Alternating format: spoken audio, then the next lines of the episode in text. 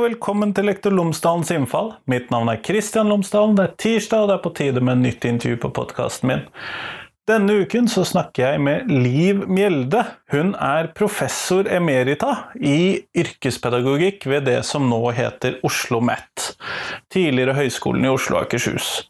Hun har gjennom et langt liv deltatt på nær alle sider av yrkesfagene. Det vil si kanskje ikke som elev, da. Det er jo unntaket, men det kommer vi tilbake til i intervjuet. Men hun startet som den første sosialrådgiveren, det som da het velferdssekretær, på det som da var Sogn videregående skole, det som i dag er Kuben videregående skole. Sånn at hun har vært med i yrkesfagene siden 60-tallet. Så det er ingen tvil om at hun kan fortelle oss en god del om yrkesfagenes historie. Hun skal også fortelle oss litt hva hun tenker er veien videre for yrkesfagene, altså fremtiden til yrkesfagene. Så dette er eh, et veldig interessant intervju, og som yrkesfaglærer selv så syns jeg dette er ekstra spennende. Men her får du intervjuet, vær så god.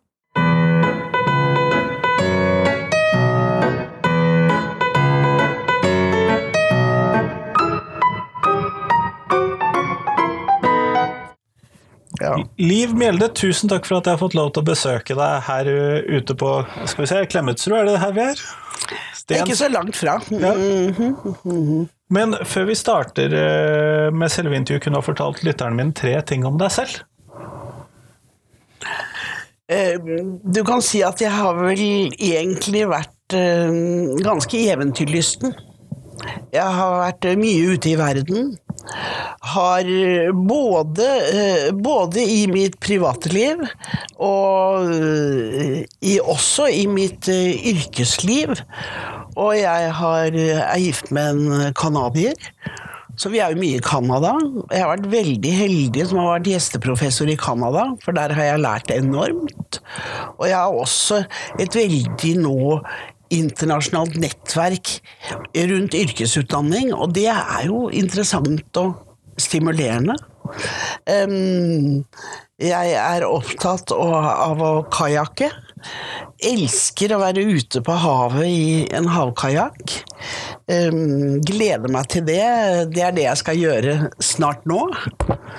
Ellers så er jeg jo genuint opptatt av å forsøke å være et ordentlig menneske og en ordentlig lærer.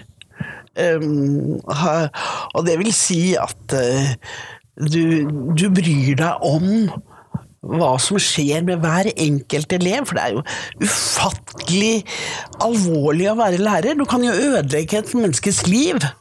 Eller skape det? Eller ja. Gjøre det til et bedre seg? Ja, det, det, det er På den ene siden kan du ødelegge et menneskeliv, ellers kan du vekke nysgjerrigheten, du kan vekke lysten til å lære, du kan eh, vekke troen på at dette klarer jeg. Selv om jeg ikke klarer det i dag, så klarer jeg det i morgen. Det er jo eh, noe som er ufattelig viktig for, for oss alle.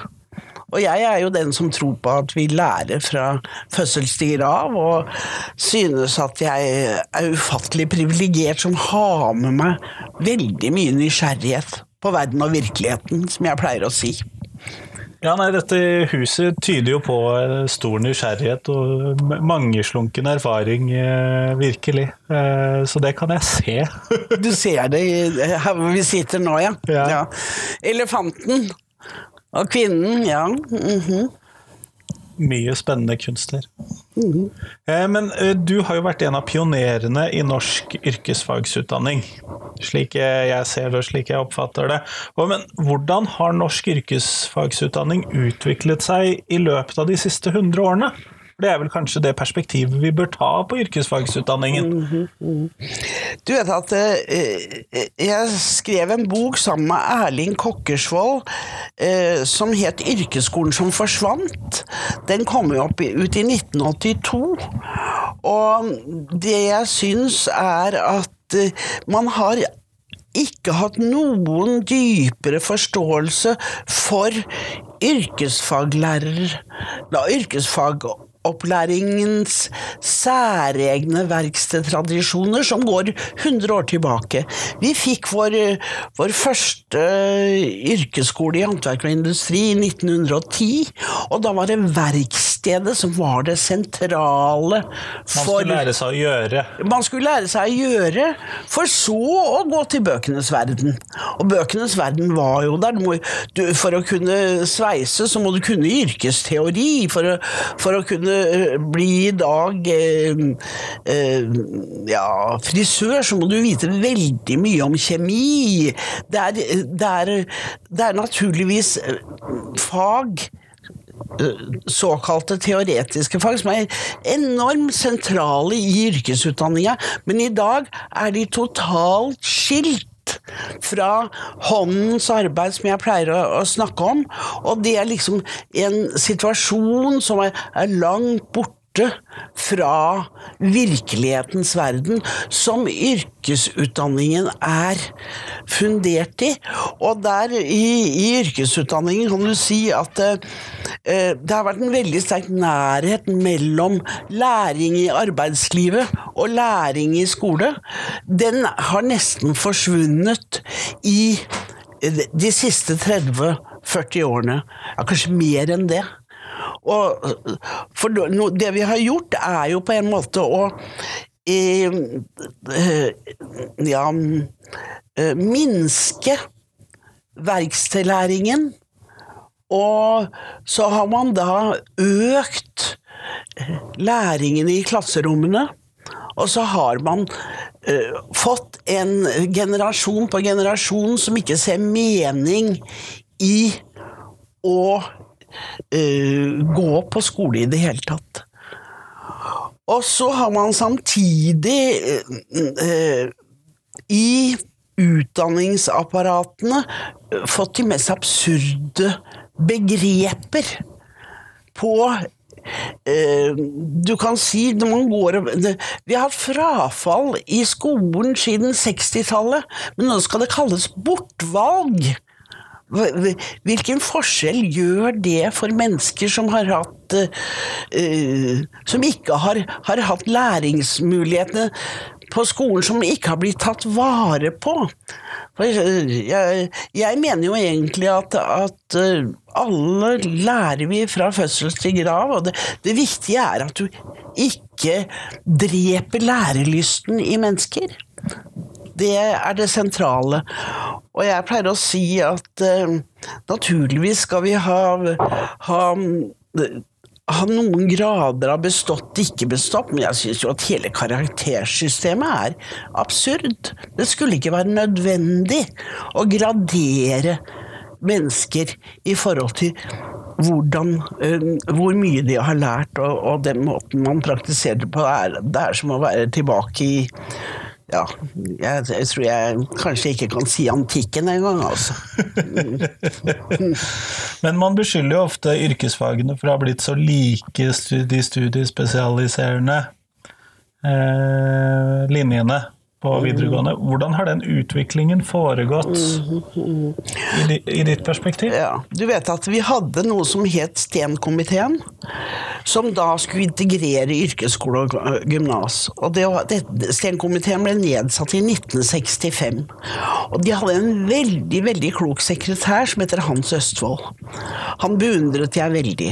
Og han sa at eh, Og det, var, eh, komiteen var klokt sammensatt, dvs. Si at den var sammensatt av politikere med ulike ideer. Eh, både fra høyre- og venstresiden. Og så begynte denne Og Reiulf Steen var jo da leder, den politiske lederen av komiteen. Og Arbeiderpartiets Ideologi var jo likhet under utdanning. For du vet at til på 50-tallet så var det et privilegium for borgerskapet å få ta eksamen artium. Det var først eh, på 50-tallet at du begynte å få eh, ungdom fra arbeiderklassen til å gå ut i, i til, til, å begynne i realskole og gymnas. Før den tid så hadde ikke folk eh, råd til det, kan du si, på mange måter. De fleste gikk ut etter sju år i folkeskole. Og ja, i 1956, tror jeg Hans Folle, Østfold sa, så var det um, 84% av uh, populasjonen, ungdomskullet, som, med, som, som, gikk rett ut i, i arbeid. Det var uh, halvparten Resten gikk 50% til gymnaset og 50 inn i yrkesutdanninga. Og det, dette problemet var det da som Stenkomiteen tok fatt i. Men så pleide Hans Åsvold å snakke om at det også var et A-lag og B-lag innad i STEM-komiteen. Det var noen som ville ha mer en åpen skole, mer muligheter for alle, integrering av yrkesskoler og gymnas, og uh, alle skulle på en måte uh, I det samme få, systemet? I det samme systemet. Og så var det spørsmål da om karakterer og ikke-karakterer. Og så hadde du A-laget, da, såkalt. Uh, det var jo arbeiderbevegelselaget, som var for at det skulle være mindre karakterer, det skulle være mer mer åpenhet, det skulle være, være, andre måter å organisere på. Så hadde du det borgerlige laget som ville ha kontroll, nasjonale prøver, som ville ha eh, såkalt disiplin, såkalte strenge krav, og det skulle være lukkede porter. Mye av det ulike... vi kjenner igjen fra i dag. Ja. det er så likt. Jeg syns nesten ikke at vi har kommet et skritt videre, men jeg har lyst til å si til deg én ting, at det var en veldig klok undervisningsminister som het eh, Kjøll Vegland, som satte ned en komité som het Skolens innhold. Hvor uh, mange av disse tingene For da hadde vi fått Dette var tror jeg 78-79. Og da hadde vi fått altså en ny lov om videregående opplæring, og det hadde vært masse motsetninger og masse um, ja, kontroverser inn i det, det spørsmålet der. Så Eh, setter han ned en komité, og jeg var med i den. Det var en 16-mannskvinnekomiteen, og jeg, jeg, var egentlig veldig glad og ganske stolt av å være del av den komiteen og skulle prøve å forme skolens innhold. Et, en av de første tingene, og det fikk vi til. Det var fordi at vi hadde jo også Eh, I, I, 1945 så ble det aldri tatt noe oppgjør nesten med eh, du kan si rasistiske ideer. Man, eh, og, og, man og klarte jo da Alle skulle vi være like, og samisk skulle utslettet av, av, av utdanningssystemet, ikke sant. Og de skulle lære å bli norske. Det er nesten som vi hører flyktningdebatten i dag. Den ble ført i, i, i 45, tror jeg, men nesten sånn som du, du blir blir nesten skremt, for det er jo nazistiske ideer. Så eh, kan du si at eh, samisk i grunnskolen var noe vi fikk til. Vi, vi, klarte virkelig å få snudd eh, Vi gjorde jo ikke det selv, men det var naturligvis En del av en prosess. I 1970-tallet var jo et opprørets tiår. ikke sant? Det var jo enormt spennende, fordi at det ble tatt eh, fatt i både Du kan si rasespørsmål, det var kampen mot Vietnamkrigen og den måten å tenke på. Det var naturligvis kvinnespørsmålet. Før 70-tallet eh, skulle jo alle kvinner arbeide i hjemmet for å fremme mannens ehm, ja, gledelige liv. Gledelig liv, ikke sant? Og, og, vi skulle være der og si ja ja, velkommen hjem. Ja, Her er middagen. Er middagen på plass, ikke sant? Ja. Så dette var jo da eh, et opprørets tiår som jeg Jeg var jo sent ute, for jeg var jo ikke, ikke 19 år eh, når, når 70-tallet eh, startet, men jeg, jeg, var jo med og lærte jo enormt med alt som skjedde. Og dette var jo også plantet inn i denne komiteen Skolens innhold. Så um, Og Kjølv Egelands, den, den, den saken han skrev om det den, det var veldig, veldig klokt. Og der satt jo lederne av AUF Det var um, det, det, var Kasi Kullmann Five og um, Gud a meg altså. Det får vi finne ut etterpå. Ja, det får vi gjøre. Og så um, Men um, det var, det var, i, var i det hele tatt et veldig spennende stykke arbeid vi drev med, syns jeg. Og jeg var ganske optimistisk. Vi, vi ville annet ha også en ganske flat struktur i skolen, hvor det, man skulle velge ledelsen i, i skolene. At man ikke skulle sitte som leder på heltid, men det skulle for resten av livet, for å si det på den måten. Men man skulle variere og alternere mellom å lede en skole og være lærer på en skole. Litt av det universitetssystemet som man har hatt mange steder fram Ja, til nå. Ja. Mm. Det høres ut som en relativt radikal idé, da. Jeg syns det, det skulle være en helt, eh, helt eh, normal idé. Man skulle ha mye mer variasjon i, i livet, kan du si, enn det man legger opp til når du liksom blir rektor når du er eh, ja, eh, 30, og så er du der til du er eh, 65. Jeg tror ikke det er så, så lurt. Det høres ganske statisk ut. Veldig statisk og veldig kjedelig for folk, tror jeg også. Men tilbake til skolens innhold. Så i 1981 og det, Motsetningene var der mellom såkalte A- og B-laget, som, som fulgte med, og som var politiske motsetninger. Uh, og, de konservative vil jo noe helt annet med skolen enn det arbeiderbevegelsen ville. Så uh, vinner Willoch valget, jeg tror det var 1981, så får vi en, en kirke- og undervisningsminister, jeg tror han het Tore Austad. Han var fra Kristiansand.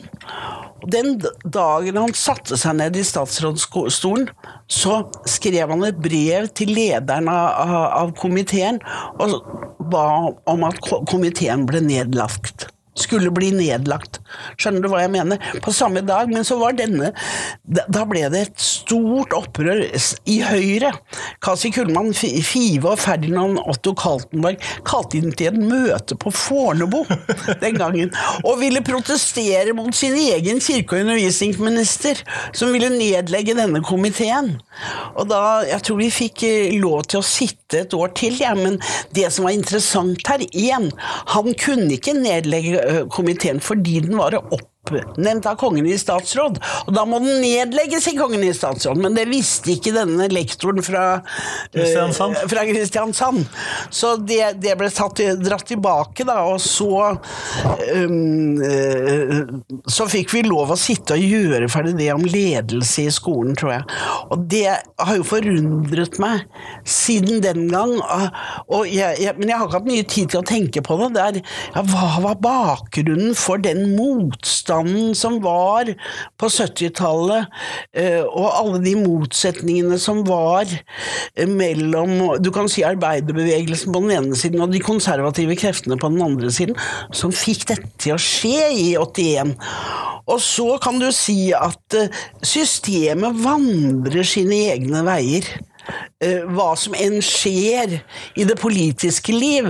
Så det som skjedde, eh, både på godt og på vondt, var jo for, blant annet at eh, alt som het det som, det som eh, la opp i gamle yrkesskolen til husmorrollen. Det var jo husstellinjene som var for kvinner, som da skulle betjene sine menn, ikke sant. Og det var jo hele 70-tallet fortsatte jo den, den tradisjonen også innen yrkesutdanning for håndverk og industri, men det begynte å endre seg på 80-tallet. For da begynte man å få da, da begynte kvinner å kreve å være ute i arbeid, og så av at kvinnene krevde å være ute i arbeid, så måtte man jo bygge opp omsorgsinstitusjoner i, eh, i barnehager og i eldreomsorg. Ting som hadde da Oppgaver som hadde vært eh, I hjemmet? ja, i hjemmet, ja. Så dette, og da skjer det en endring innad i yrkesskolene.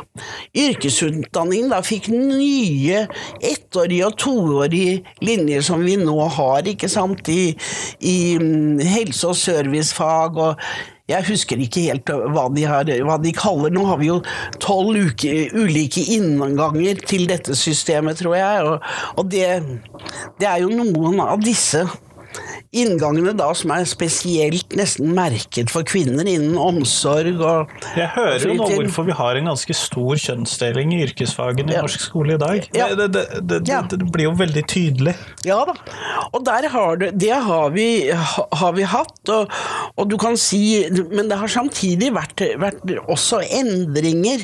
For eksempel for 40 år siden så kunne du nesten ikke eh, eh, tro at en, en kvinne kunne eh, bli togfører. Lokomotivfører. Nei, fysj og fy, det krever jo en mann. Det, krevde en mann, ja. Det krever en sterk mann, ikke sant. Og det, det er jo i dag. I dag så er altså kvinner togførere, de er bilmekanikere, de er tømrere. Så det har jo Men jeg husker tilbake til når jeg hevdet visse ideer på 70-tallet, f.eks. for, for gulls, gullsmedene. Gullsmedene var det en linje som var enormt vanskelig å komme inn på. Det var 200-300 søkere til tolv plasser. Og da sa gullsmedlæreren vi kan jo ikke gi disse eh, plassene til, til kvinner, til jenter, for de skal jo gifte seg likevel. Disse plassene må jo gå til gutter. Det måtte jeg forstå. Så det, det var en, en holdning som var der på 70-tallet. Men så begynte det eh, begynte alt på 70-tallet så begynte vi å få mangel på arbeidskraft. Annet på, på, i bygningsarbeid. Og da var det spørsmål, husker jeg, hva, hva ville bygningsindustrien foretrekke? Vil de foretrekke kvinner eller innvandrere? Det ble et spørsmål, ikke sant? Og dette har jeg skrevet om i noe som heter Bygningsarbeid, mannfolkyrke eller det er noe jeg skrev på 70-tallet om, om det, denne problematikken. Og da da, for, da tror jeg at de sa at de foretrakk eh, eh, kvinner framfor innvandrere.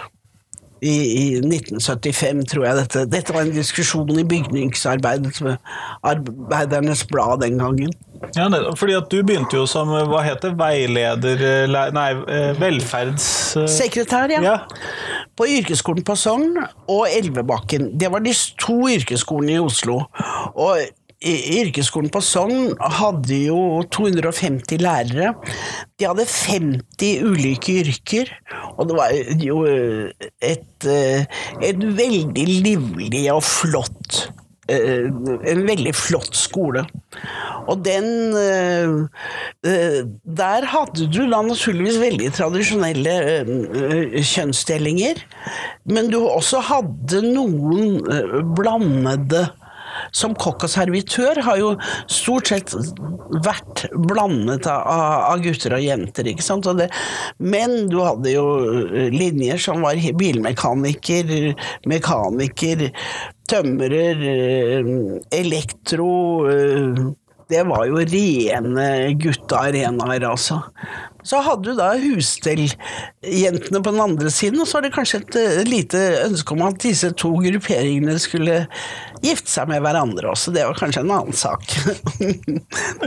det er fantasi, altså. for arbeidsklassen. Ja. arbeidsklassen. Ja. Høres jo nesten litt sånn ut. Men eh, denne eh, velferdssekretær er det vi ofte i dag kaller for rådgiver, er det sånn jeg skulle Ja. forstå det? Det var, den stillingen i 67, det var den første, du kan si, sosiale stillingen i yrkesutdanningssektoren i Norge. Så det, det var en, en pionerjobb. Og så kom jo jeg da fra Jeg hadde statsvitenskap, historie og sosiologi til Kanmage. Mag. Så jeg kom, kom til yrkesskolen på Sogn også med at jeg hadde vært, hatt privilegier som at et, et, et reisebyrå som var for, var for meg. Det var Statens lånekasse, det var eh, hybler på yrkesskolen på, Nei, vis-à-vis yrkesskolen på Sogn, ikke sant? Eh, hybler Sogn eh, Studentby Eh, heter det? stu- Studentby, ja. Og så mm, Og jeg hadde jo nytt godt av disse godene, og så kommer jeg til eh, yrkesskolen på Sogn og finner at de for så vidt ikke har disse godene. Og da begynte jeg liksom å, å lure på dette og se på hva kan vi gjøre med det.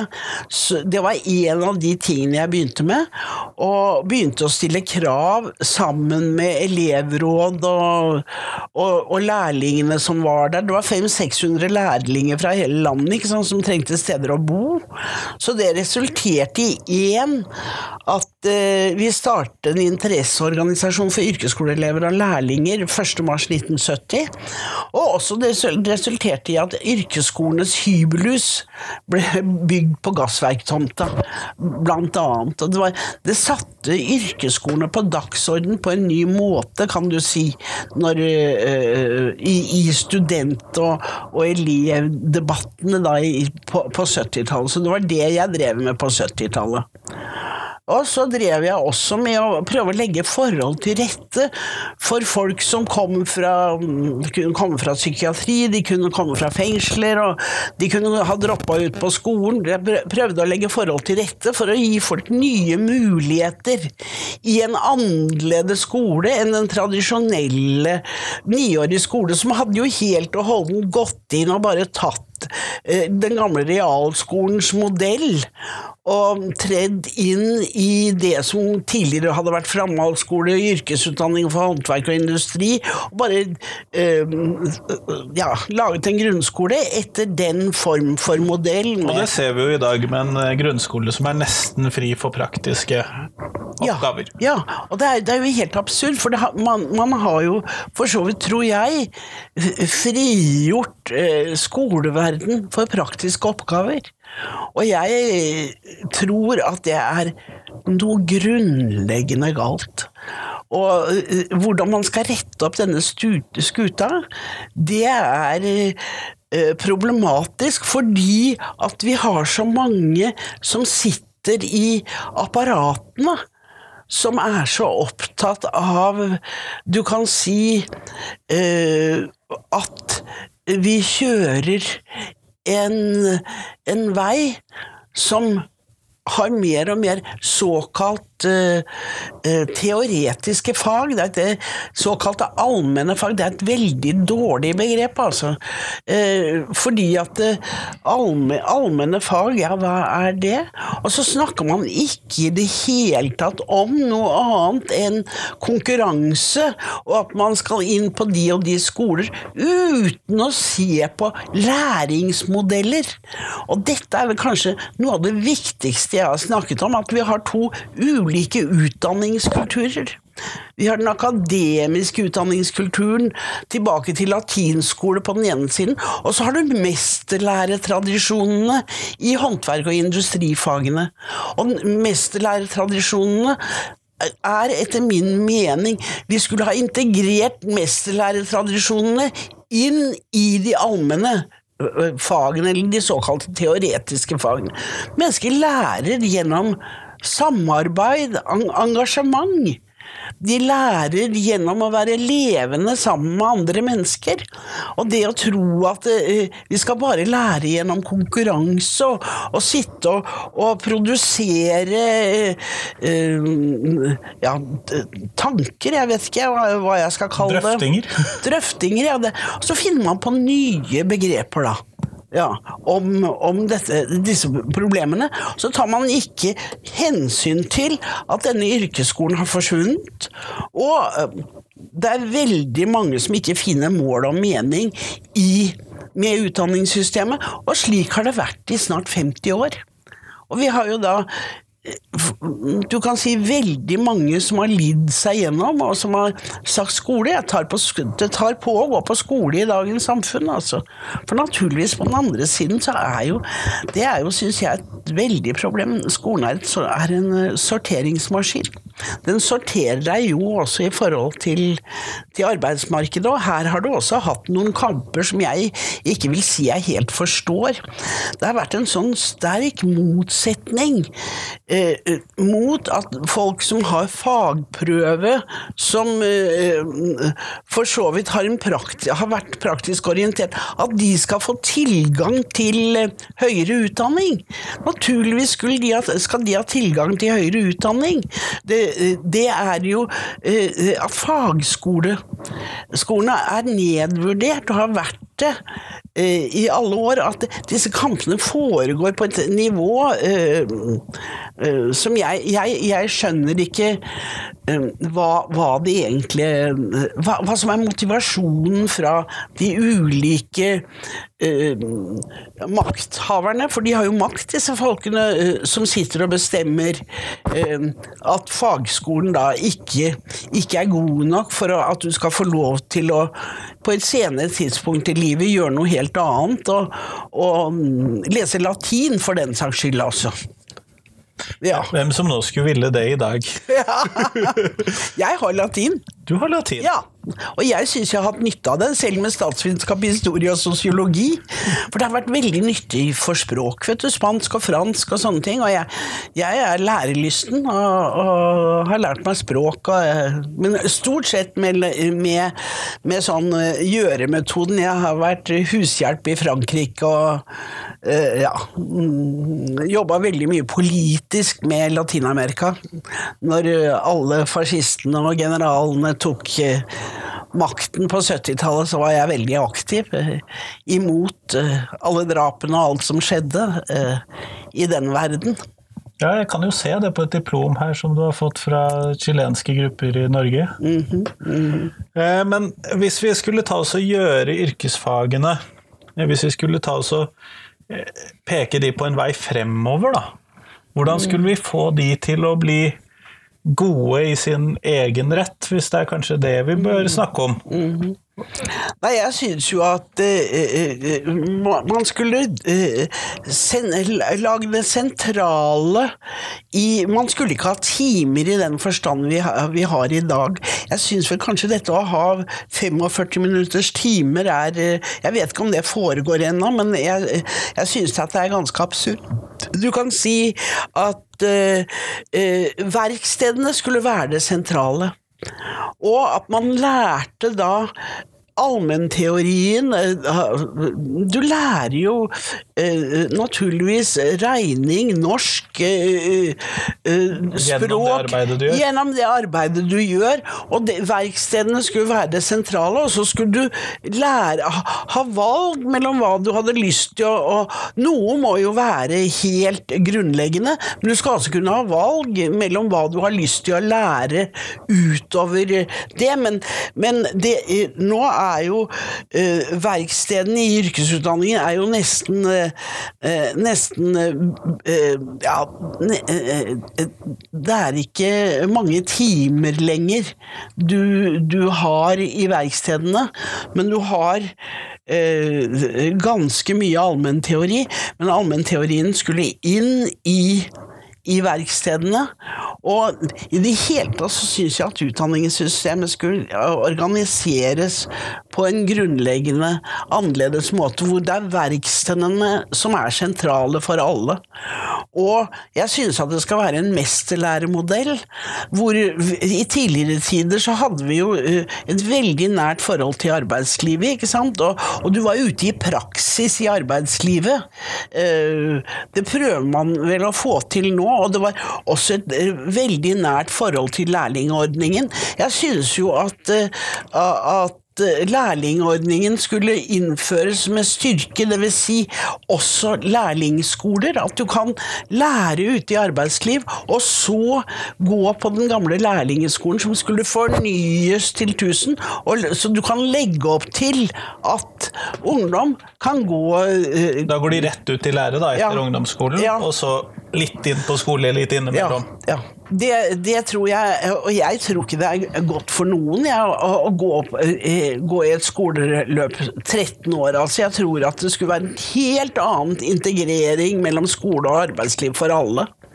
Og eh, jeg tror også, naturligvis, som jeg har sagt tidligere nå, at man skulle ha mulighet for å kunne gå tilbake til, til utdanningssystemet og servere seg når man hadde lyst. At det, det, det, skulle være grunnlaget for å alternere mellom skole og arbeidsliv eh, ja, så lenge man hadde lyst til det. For, som sagt, man lærer jo fra vugge til grav. Så det vil jeg si. Men, men å styrke mesterlærermodellen, gå bort fra, eh, fra karaktersystem, ha bestått, ikke bestått. Du må ha, ha nådd et spesielt nivå. Du må ha oppnådd et minimum av kompetanse. Ja, ja. Og så du, har du bestått det, så går du til neste trinn. Og slik var det i den gamle mesterlærermodellen. Da hadde du bestått, ikke, eh, eh, ikke bestått. Eh, til svenneprøver som vi hadde nå. Eh, jeg synes at svenneprøver og, og mesterprøver er, skulle det være for alle eh, i, i, hele utdanningssystemet, og ikke den graderingen vi har i dag. Mye, mye Ja, kanskje som jeg pleier å si, at um, noe jeg syns at hele uh, utdanningssystemet skulle gjennomsyres av, så er det kjærlighet og krav. Du skulle være veldig uh, Veldig uh, omsorgsfull som lærer. Men du skal også stille krav. Det er ikke noe spørsmål om at folk skal være gratispassasjerer. Det er ikke det jeg snakker om. Er... Du vil ikke fjerne karakterene fordi at de skal være uten krav? Nei, det er absolutt ikke krav skal det være. Det, men, men, jeg tror vel ikke på gradering av karakterer. Og jeg, jeg har jo selv eh, sånn eh, sabotert litt. Og når jeg underviser i Canada, så eh, på, på masternivå i, i, på, på, universitetet i Toronto, så spurte jeg da studentene om, om hva de syntes var rettferdig om det, var, om det var noe rettferdighet i at vi, hvis alle da, da, var det jo sånn som folk lagde essayer, eh, og de skulle vurderes til bestått, ikke bestått, ikke sant? men det skulle graderes. Og så spurte jeg da om det, om det var greit at vi ikke graderte. Og fordi det var, eh, det var, problematisk. Eh, og da var studentene for så vidt enige i at det var ikke nødvendig med gradering. Mm. Og dette var lærere jeg underviste. Ja, og jeg syns jo også selv at karaktersystemet er problematisk. Jeg har ikke helt klart å komme fram til en god modell hva jeg vil erstatte det med selv heller. Men uh, jeg kan jo se det at bestått, ikke bestått uh, Og det bruker jeg jo mye selv i egen undervisning. Uh, det er hyggelig å høre, syns jeg. At Fint, da har dere ja. Mm -hmm, ja. Men eh, hvis vi nå går mot slutten av selve intervjuet, så har jeg lyst til å spørre deg om hvis du skulle lage et nytt fag i skolen, og hvis du fikk fylle det med det du ville, og hvis du fikk kalle det det du ville, hva skulle det faget være?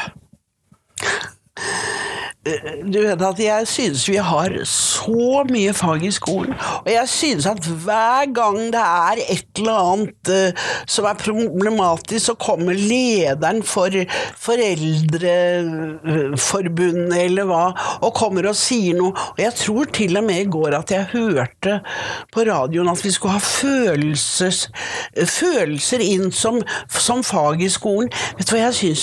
Eh, absurditetene i utdanningen utdanningsdebattene er så eh, Jeg tror av og til ikke mine egne ører.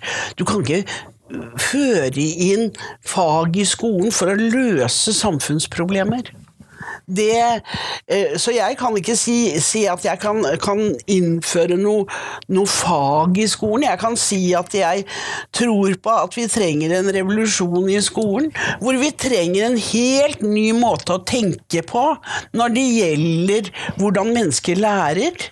og en organisering av naturligvis mange ulike deler av, av forståelse av verden og virkeligheten eh, som, som, er nødvendig for, å, for, oss i dag. Men eh, å, å si et spesielt fag som sosiologi, antropologi, et, et fag om følelser, det syns jeg er absurd. Eh, det er en, en, gal måte å tenke på når det gjelder hvordan du, du eh, organiserer undervisning og læring. Og jeg har jo selv eh, prøvd å, å, jobbe med disse spørsmålene, og, og organisere en mesterlærermodell i Uganda på masternivå. Og vet du hva? At det er mulig. Det er absolutt mulig. Vet du hva? Så er det én ting som var også helt klart med studentene der nede. Det var at det var én for alle alle for én. Alle skulle igjennom, og alle hadde ansvaret for hverandre. Vi hadde ikke et eneste menneske som strøk. Og det var organisert da i grupper fra dag én. Så de begynte å arbeide i grupper fra dag én. Og da, det, da var jo å lage en vitenskapelig liten avhandling som var spørsmål om forholdet mellom yrkesutdanning og allmennutdanning og læring i arbeid og læring i, i, i skole. Og dette er, vi begynte, begynte fra dag én med praksis. Det var å gå ut og gjøre små undersøkelser hvor disse gruppene på syv jobbet sammen. Av og til var de to, av og til var de tre. Og dette, dette var grunnmønsteret for hvordan vi jobbet i to år. Vi jobbet, i, vi jobbet der lenger, vi jobbet der i fire-fem år, men var, var, to år master, masterutdanning i Uganda. Så den måten å tenke på Og, og nå ser jeg Vi hadde nettopp besøk fra Uganda i går, og du vet at de har gått Det kullet vi hadde, det første kullet, de har gått til doktorgradsstudier, de har fått viktige posisjoner i, i Uganda som er med på kanskje å få endre dette britiske utdanningssystemet utdanningssystemet som de har der, og det er rigid, det skal jeg fortelle deg. Så det, det er, gjør meg ganske optimistisk på at du kan endre, endre ting, og, og med eh, Du slipper en bitte liten fisk ut i vannet, tror jeg de snakket om i går, og så blir, møter det en annen fisk, og så blir det mange fisker, og så eh, ja, ruller det på seg. Det var sånn som jeg tror Dina eh, snakket om i går. Så det det er vel slik jeg, jeg ser, ser, på hva som må skje med yrkesutdanningssystemet og ja, spesielt, og, og utdanningssystemet generelt. Tusen takk for at jeg har fått lov til å prate med deg i dag. takk skal du ha som kom.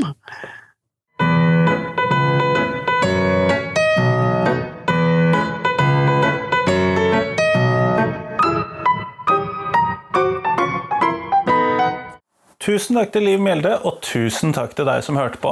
Nå er det en uke til neste gang vi høres. Da er det et intervju med Kjell Horn, som mangeårig rektor på forskjellige skoler, og som har tatt opp mange sider ved norsk skole i sin kritiske forfatterkarriere. Eh, han har også nylig skrevet en bok om sin far Christian Horn, uten at vi helt kommer inn på det i intervjuet. I hvert fall fram til neste gang kunne du ta deg en runde på iTunes og skrive en anmeldelse av podkasten min. Det vil hjelpe meg veldig mye. Eh, del gjerne også podkasten med noen som du tror vil sette pris på den. Og så ses vi igjen om en uke. Hei, hei!